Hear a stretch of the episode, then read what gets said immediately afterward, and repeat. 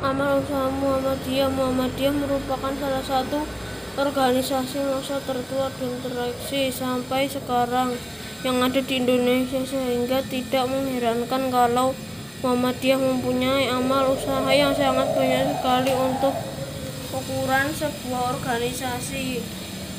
Masa amal usaha yang dimiliki oleh Muhammadiyah paling banyak dibandingkan dengan amal usaha amal usaha organisasi massa lain di tingkat dunia karena deng dengan adanya amal usaha ini Muhammadiyah akan mencapai maksud dan tujuan didirikannya organisasi ini. Hal ini sebagaimana tercantum dalam AD atau anggaran dasar Muhammadiyah bab 3 pasal 7 sebagai berikut. satu Untuk mencapai maksud dan tujuan melaksanakan dakwah amar ma'ruf nahi munkar dan ajdid yang diwujudkan dalam usaha di segala bidang kehidupan. Dua, usaha Muhammadiyah diwujudkan dengan bentuk amal usaha program dan kegiatan yang macam dan penyelenggaraan diatur dalam anggaran rumah tangga. Penentu kebijak, kebijakan dan penanggung jawab amal usaha, program, dan kegiatan adalah pimpinan Muhammadiyah. Berdasarkan data ada pada website resmi Muhammadiyah www.muhammadiyah.org Muhammadiyah memiliki amal usaha yang terdiri dari TK atau TPQ berjumlah 4 titik 6 623 sekolah dasar SD atau MI berjumlah 2 juta 604 sekolah menengah pertama SMP atau MTS berjumlah 1.772 sekolah menengah atas SMK atau SMK atau SMA berjumlah 1.143 pondok pesantren berjumlah 67 perguruan. Tinggi Muhammadiyah berjumlah perguruan tinggi Muhammadiyah berjumlah 172 rumah sakit, rumah bersalin, BKIA, BP, dan lain-lain berjumlah 457 panti asuhan, santunan, asuhan keluarga, dan lain-lain. 318 panti jompo.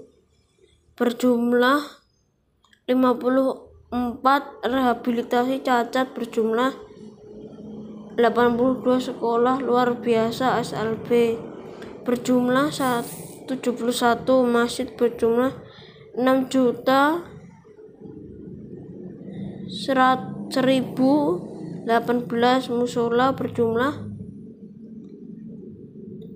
5080 tanah tanah seluas 20 945.504 M. Dari amal usaha didirikan oleh Muhammadiyah tersebut menunjukkan bahwa organisasi Muhammadiyah di dalam dalam membantu pemerintah untuk memajukan bangsa dan negara. Tidak ada keterpihakan pada golongan dan kelompok mana pun. Semua kelompok dan golongan bisa merasakan manfaat dari adanya amal usaha didiri, yang didirikan oleh Muhammadiyah.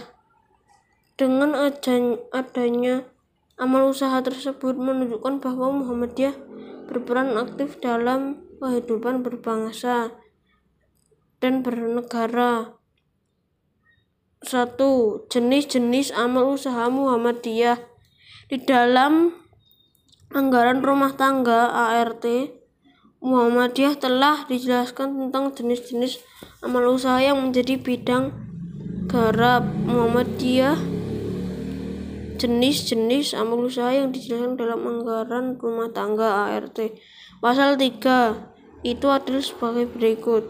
Satu menanamkan keyakinan memperdalam dan memperluas pemahaman meningkatkan pengalaman serta menyebarluaskan ajaran Islam dalam berbagai aspek.